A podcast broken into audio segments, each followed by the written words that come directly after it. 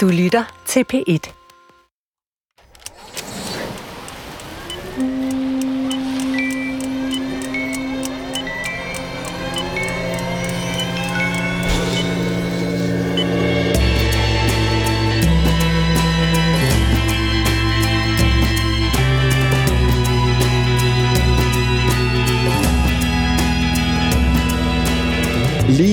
Dette øjeblik befinder millioner af mennesker sig ved en grænseovergang. Nogle skænker det ikke mange tanker, fordi de gør det i tide og utide. Og så er der dem, hvis hele liv og eksistens afhænger af, om de kommer over den grænse, de står ved, og derfor med god grund er redselslagende. Og så er der alle os midt imellem de to ekstremer, der ofte oplever en eller anden form for uro, når vi skal passere en grænse. Ofte en uro, som er ganske ubegrundet, medmindre altså der er noget, vi på forhånd ikke kunne vide, vil blive et problem. Men på en måde er der jo faktisk også altid grund til uro, og selvom man hverken er narkosmugler eller har snydt med visaget. Dels venter der jo tit en fremmed og ukendt kultur på den anden side, men allerførst møder vi tollerne med deres stempler og computerskærme og deres magt til at sende os tilbage, hvis det passer dem. Og det er her, at vi ikke alene føler uro, men let kan ende med at blive helt paranoide fordi vi faktisk er i et andet menneskes vold, mens vi står der foran skranken og mærker tollerens undersøgende blik, der glider op af os, indtil deres udtryksløse øjne fanger vores. I denne udgave af Radiofortællinger skal vi høre to historier om at krydse grænser, når man er ganske ung, og måske ikke helt har fået proportionerne på plads, om hvornår der er grund til at være påpasselig, og hvad man kan tillade sig, og hvad man kan slippe godt fra.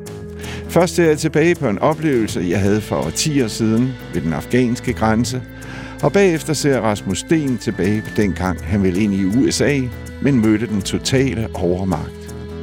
Og hermed velkommen til radiofortællinger under overskriften Panik på grænsen. Jeg hedder Torben Brandt, og vil nu tage dig med først til Iran og så Afghanistan. Året er 1974.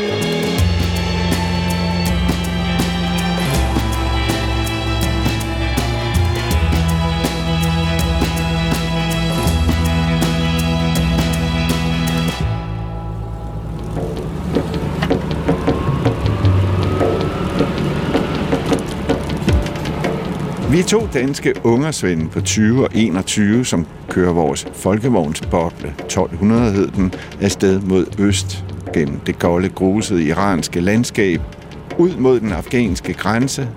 Men det ser ikke godt ud.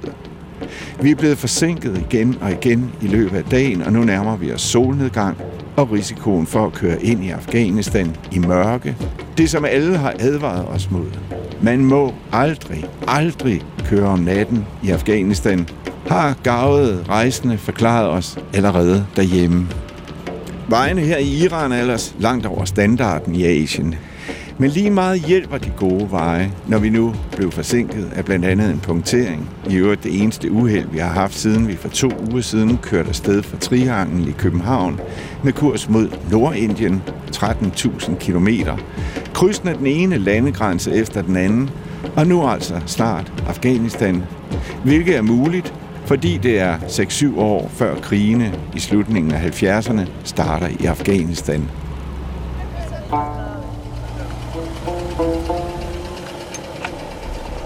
Den er lidt i fem, da vi når den iranske tolvstation. Hurtig effektiv behandling. Data indskrives i de enorme protokoller med krøllede persiske bogstaver.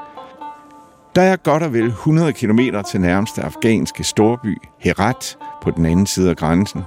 Og det skulle være muligt at nå frem, inden mørket sænker sig over landet, forudsat altså, at den afghanske tolv er lige så effektiv som her. Vi haster hen til den afghanske side og op foran den første af en række afrakkede bygninger, som ligger langs det lille stykke vej inden grænsebommen. Her skal vores vaccinationer tjekkes, men på trods af køen var det faktisk ikke længe, før vi er inde i det lavloftede lille rum, som ligner en garage på en gård, og når frem til doktoren i hans møgbeskidte, åbenstående kittel med injektionssprøjter stridende op ad lommen. Gudskelov er vores vaccinationsbevis i orden, men om ikke vi lige vil veksle lidt penge, hvilket vi høfligt afslår, Vi skal videre hurtigt. Næste stop, næste bygning, paskontrollen. En stråtæk bygning med kun et stort lokale, med gamle sofaer og lænestol langs væggene, fyldt med mennesker. Især hippier af alle mulige slags. Og hvor kun én lænestol er ledig, med god grund, viser det sig, da jeg dumper ned i den og mærker fjederen borer sig op i min bagdel. Hvilket udløser en bølge af kluklatter for alle de andre, som helt tydeligt har set denne situation gentage sig igen og igen med stadig nye ofre, mens de venter, og jeg fornemmer, at det har de gjort længe. En kluklatter, som for tolleren i sin uniform op bag det enorme skrivebord til at lægge pinden og se olden på os alle sammen, mens han i en streng tone, som var vi hans børn, forklarer, at hvis ikke der er stille, kan han ikke stemple vores pas. Og det hjælper, i hvert fald indtil det næste offer for lænestolen med fjeder dukker op, og latteren atter koger op, så var det en uartig skoleklasse, hvad vi jo på en måde også er. De fleste af os har lige forladt skolen og er ude på en tur, som de fleste voksne betragter som det glade vanvid.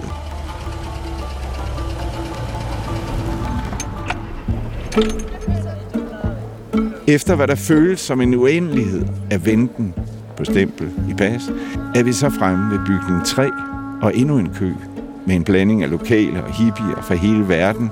Heriblandt folk fra den berømte Magic Bus lavpris hippiebussen, som på denne tid kører i fast rutefart mellem Amsterdam og Nepal, og som viser sig at dele vores bekymring for at køre ind i Afghanistan, når det er mørkt, og som vi aftaler at køre i cortege med, hvis det nu alligevel ender med, at vi ikke kommer afsted inden solnedgang.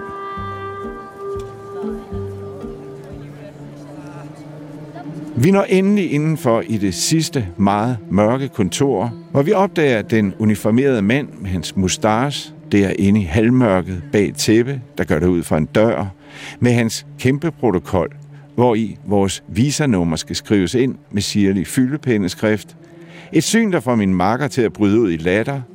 En latter, der får nu også ham, endnu en uniformeret mand, til at lægge pinden. Men denne gang er det alvor, indser vi da han påbegynder det tunge arbejde med at lukke kæmpeprotokollen. Alt mens han meddeler, at der nu er lukket indtil i morgen, hvilket medfører panik i hele rækken bag os. Og spontant i desperation og for at redde æren over for alle de andre og redde vores egen nattekørselsrøv, stikker jeg min hånd ind i protokollen, inden den klapper helt i.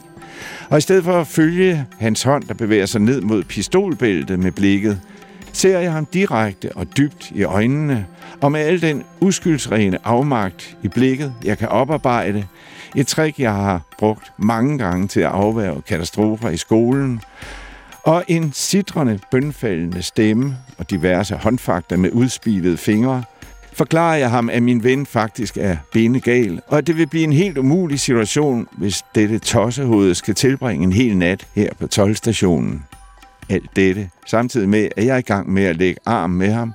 Hver sidder vi med en hånd på hver side af protokollens forside, kæmpende for at få overtaget. Og samtidig beder jeg på dansk min marker række mig hans pas, og siger, at han skal lave nogle mærkelige lyde og opføre sig som en tosse på vej ud af døren, hvilket han gør med stor talent, og som får tolleren til at se op på mig med en vis medfølelse, samtidig med, at han slipper taget i protokollen og pistolbæltet, for i stedet er der at række ud efter fyldepinden og åbne protokollen og de to danske pas.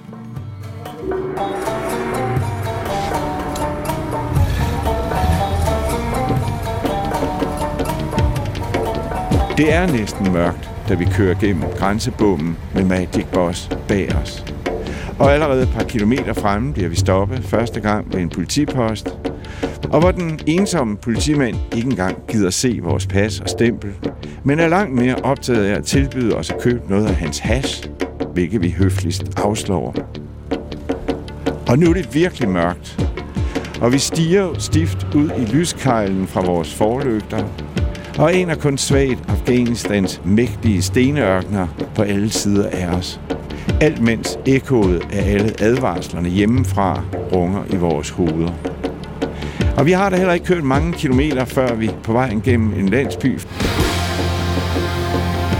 får et kæmpe chok, der lyder et kæmpe brag, da en hund springer ud foran bilen, som om den er blevet sparket af sted, for derefter at lande tungt lige ned på de ekstra forlygter ude på kofangeren.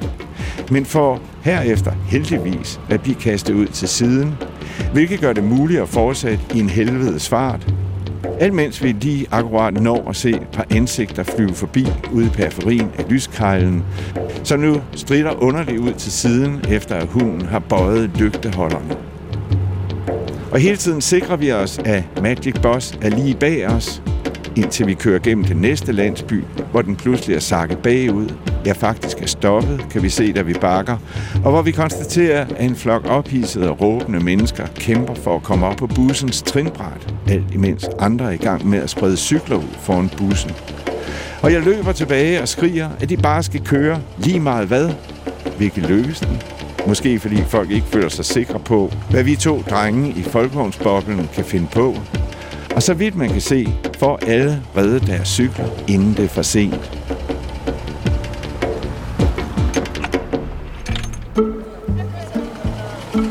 Det er vist et mirakel, at vi efter to timers kørsel i bælragende mørke når frem til Herat, og lettelsen over at være i live er overvældende. Så lettet er vi, at vi ikke rigtig orker at blive bange, da en mystisk mand i en slidt jakke, mens vi holder på et tog, pludselig springer ind på passagersædet i bilen, mens jeg sidder på bagsædet, og med tillært britisk accent hilser, samtidig med at han åbner jakken og afslører en ren og nystrøget diamantbesat skjorte inden under alt det lurvede. Hvorefter han begynder at forelægge os en plan om, at hvis vi gerne vil være rige, så skal han lige låne bilen i en times tid, hvorefter vi får udleveret en rute, som fører over en del grænser frem til en adresse i Schweiz, og hvor vi så vil modtage velfortjente 50.000 amerikanske dollar, og at vi bare skal følge hans rute, så vil der være no problem, men hvis vi følger vores egen rute, it will be your own problem, så er det vores eget problem, hvis vi kører vores egne veje og selv vælger vores egne grænser – medbringende de mange kilo has, han vil svejse ind i vores bils skærme. Det tager noget tid at få overbevist manden om, at vi faktisk foretrækker at fortsætte mod vores mål, Indien, og vi nok vil kunne klare os med de penge, vi allerede har. For mit vedkommende 5.000 kroner til fire måneders rejse med transport, hotel og mad, og inklusiv visa til de mange lande og grænser, der stadig ligger forude.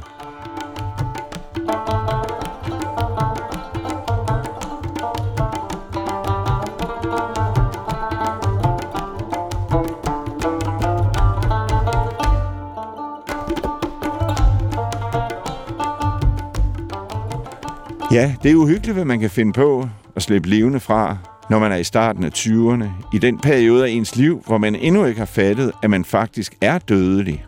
I den periode, hvor vores hjernes pandelapper først lige er på grænsen til at vokse sammen. Pandelapper, som skal styre, hvordan vi reagerer på vores oplevelser, og hjælpe os til at tænke over konsekvenserne af det, vi gør, som for eksempel at køre for stærkt og risikabel i bil, for ikke at tale om at udfordre tollere med magt til at afvise dig, eller hvis de får lyst, fængsle dig i hvem ved hvor lang tid. Og det er præcis også det, det handler om i dagens anden grænsehistorie her i Radiofortællinger, men med et helt andet resultat end i min fortælling. En historie, som Rasmus Sten oplever på egen krop, da han også er tæt på de 20 år.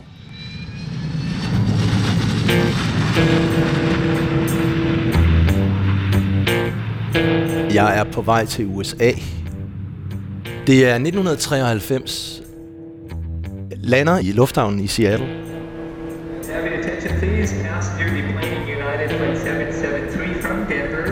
Jeg skal over til et bryllup hos en ven. Kommer ind i lufthavnen og igennem øh, security integration. Der bliver jeg trukket til side til et, øh, hvad jeg tror er et rutinetjek af en eller anden art.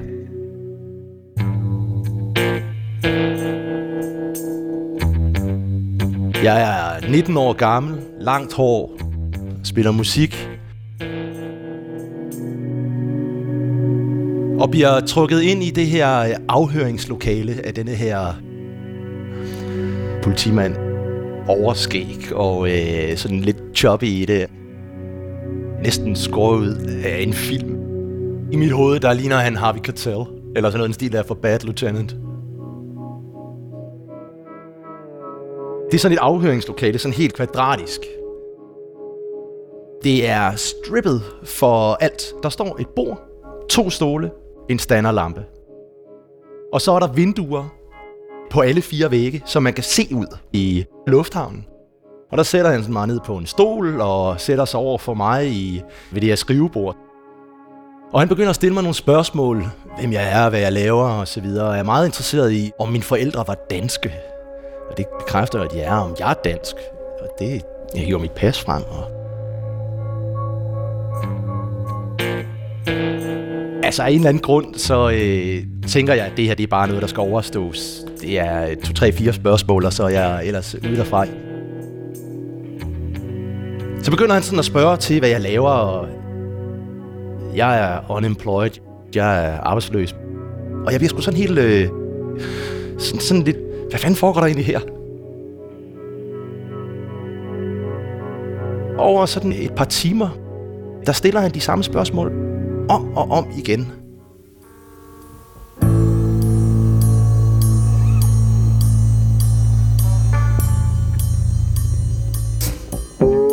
Og som vi sidder der, ikke, og, og, og han begynder at afhøre mig,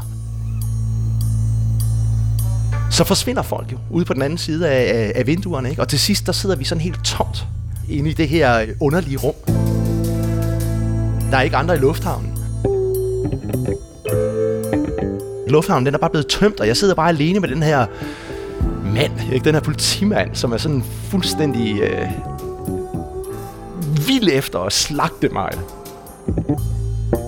Altså jeg tænker, han måske bare have haft en dårlig dag. Ikke?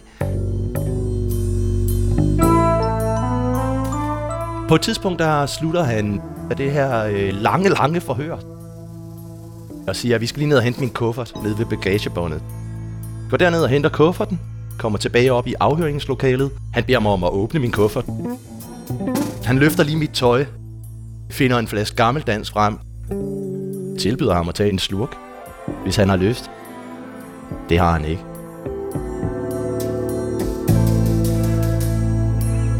Så sætter han sig ved bordet igen, og, og han drejer standerlampen, så den lyser mig ind i hovedet. Og så kommer spørgsmålet sådan endelig ind på, Have you ever been taking drugs? Og jeg øh, øh, siger selvfølgelig nej, det har jeg aldrig nogensinde gjort. Han spørger så igen om, er du helt sikker på, at du aldrig har taget drugs? Det har jeg aldrig nogensinde gjort. Det, øh, det gør jeg ikke. Jeg begynder at skulle blive sådan lidt smånervøs, ikke? Og øh, selvfølgelig så drejer han samtalen ind på de her drugs igen. Og på det tidspunkt, der er der gået sådan to og en halv time, hvor han har øh, stillet spørgsmål til mig næsten konstant. Og han kredser omkring de her stoffer, om jeg har taget stoffer, om jeg har taget stoffer. Okay, jeg har faktisk... Øh, jeg kommer næsten lige fra Roskilde Festival, og jeg, jeg røg en joint ned på Roskilde Festival. Nå, siger han så, okay. Hvor mange joints? Ja, okay, men jeg, jeg røg sgu nok seks joints på, på, på Roskilde Festival. Nå, for fanden. Det er jo ikke så godt. Han får så ligesom lavet det rationale. Seks joints over et år. Det vil sige en hver anden måned.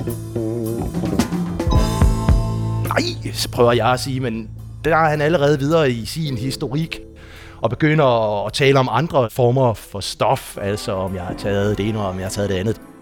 Det har jeg ikke. Så på et tidspunkt, så slutter han ligesom den samtale, vi har. Og så sætter han sig ned ved computeren og begynder at taste en hel masse ting ind. Og hver gang han har skrevet en side, så bliver den printet ud. Og jeg skal så sætte mine øh, initialer på den her side. Og der kommer syv sider ud af det her øh, lange, lange forhør. Jeg er virkelig, virkelig nervøs på det her tidspunkt. Inde i mit hoved, der hører jeg bare den her lyd af en gummihandske, som smelter. Og ham, som beder mig om at bend over. Fordi han lige skal lave et ekstra undersøgelse af, hvad jeg nu egentlig har med mig i bagagen. Virkelig, virkelig en øh, presset situation.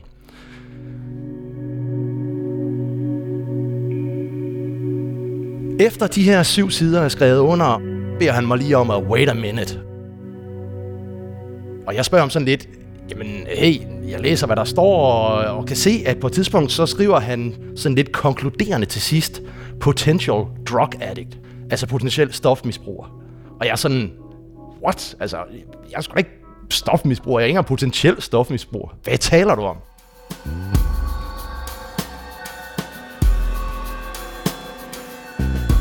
Og jeg sådan lidt prøver at, tale med ham, men han, han har fået sådan en helt stone face, og han gik sådan fra at være egentlig en ganske almindelig venlig politimand til at blive sådan en hardcore, dirty Harry-type. Og jeg sidder der og sådan lidt, hvad sker der her? Altså, hvad, hvad får det her øh, konsekvenser? Hvorfor gør du det her mod mig? Han svarer sådan, sådan filmisk, han siger bare, I'm just doing my job. Jamen, for fanden, mand. Altså, jeg fortalte dig jo bare sandheden. Well, son, sometimes the truth is hard.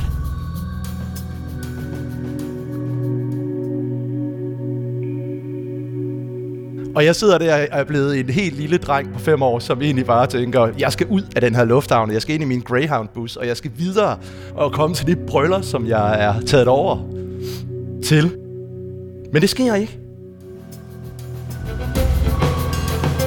I stedet for, så tropper der sådan to military police op i camouflage-tøj med hjelme. De tager mig i hver min arm. Og så øh, begynder vi at gå igennem den her lufthavn, og jeg aner stadigvæk ikke, hvad der sker. Vi har ført tilbage til den gate, hvor jeg kan se det fly, som jeg er ankommet med, stadigvæk står. I know my rights. Jeg vil have et telefonopkald. Og det får jeg lov til. Jeg ringer til min ven nede i Portland og siger til ham, hey, jeg tror sgu, jeg er, jeg er på vej retur. Og ganske rigtigt. I det øjeblik, jeg hænger op på telefonen, så tager de her to øh, military police folk mig igen under armen og slæber mig ud igennem gaten ind i flyet. Mit pas bliver givet til en af stewardesserne, hun får at vide, at jeg først må få det udleveret igen, når flyet sætter landingshjulene på europæisk grund i London. Vi er sat ned i et sæde. Jeg har allerede rejst 34 timer.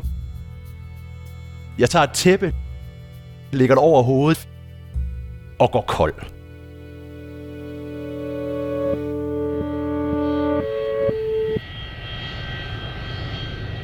Jeg kommer tilbage til Aarhus. Så øh, holder jeg min kuffert pakket og er klar til at rejse igen. Min mor, hun har så i mellemtiden kontaktet den amerikanske ambassade i København for ligesom at høre, hvad er det her for noget? Det viser sig, at jeg ikke får mulighed for at rejse lige med det første. Efter nogle dage kommer den amerikanske konsul til Aarhus. Jeg mødes med hende, og hun har fundet ud af, at jeg er registreret i det amerikanske efterretningstjeneste. Jeg tænker bare sådan Pentagon eller noget i den stil der. Shit! Og hun fortæller mig også, at jeg faktisk står over for tre mulige udfald af denne her sag.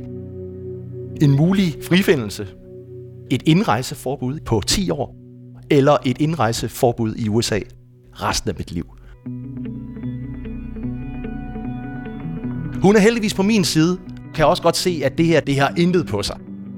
Hun kører så den her sag for mig over et halvt år, over seks måneder, hvor jeg er i løbende kontakt med ambassaden og skal give testimony om det ene og om det andet. Og øh, ja, endelig bliver jeg frifundet og får at vide, at øh, nej, jeg, øh, jeg bliver ikke nægtet indrejse i USA alligevel. Der kommer sådan et hadforhold op til det land der, for det er jo fuldstændig latterligt, at de reagerer på den måde. Altså sidenhen, jeg har været i USA rigtig mange gange sidenhen. Hver eneste gang, jeg lander i USA, bliver jeg trukket til side. Og skal ind i afhøringslokalet og fortælle, at jeg engang har røget grass på, på Roskilde Festival.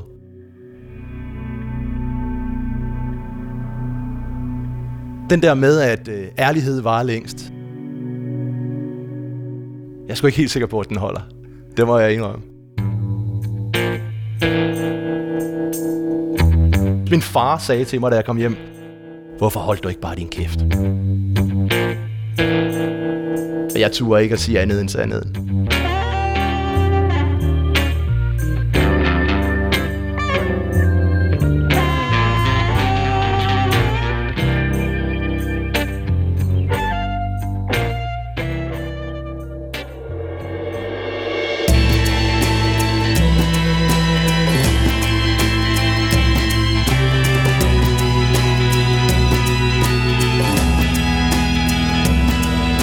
Ja, grænser udfordrer os, fylder os med uro, angst, nogle gange paranoia, og nogle gange presses vi til at gå på kompromis med vores egne værdier, som her Rasmus Sten.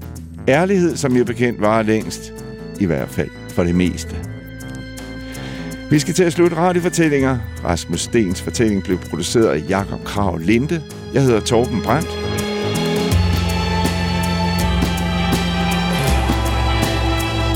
Og vi er tilbage om en uge, samme tid, samme sted.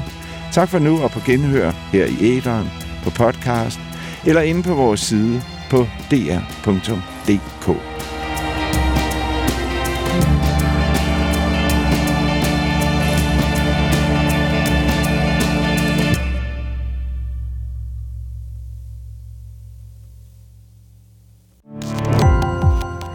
Gå på opdagelse i alle DR's podcast og radioprogrammer. I appen DR Lyd.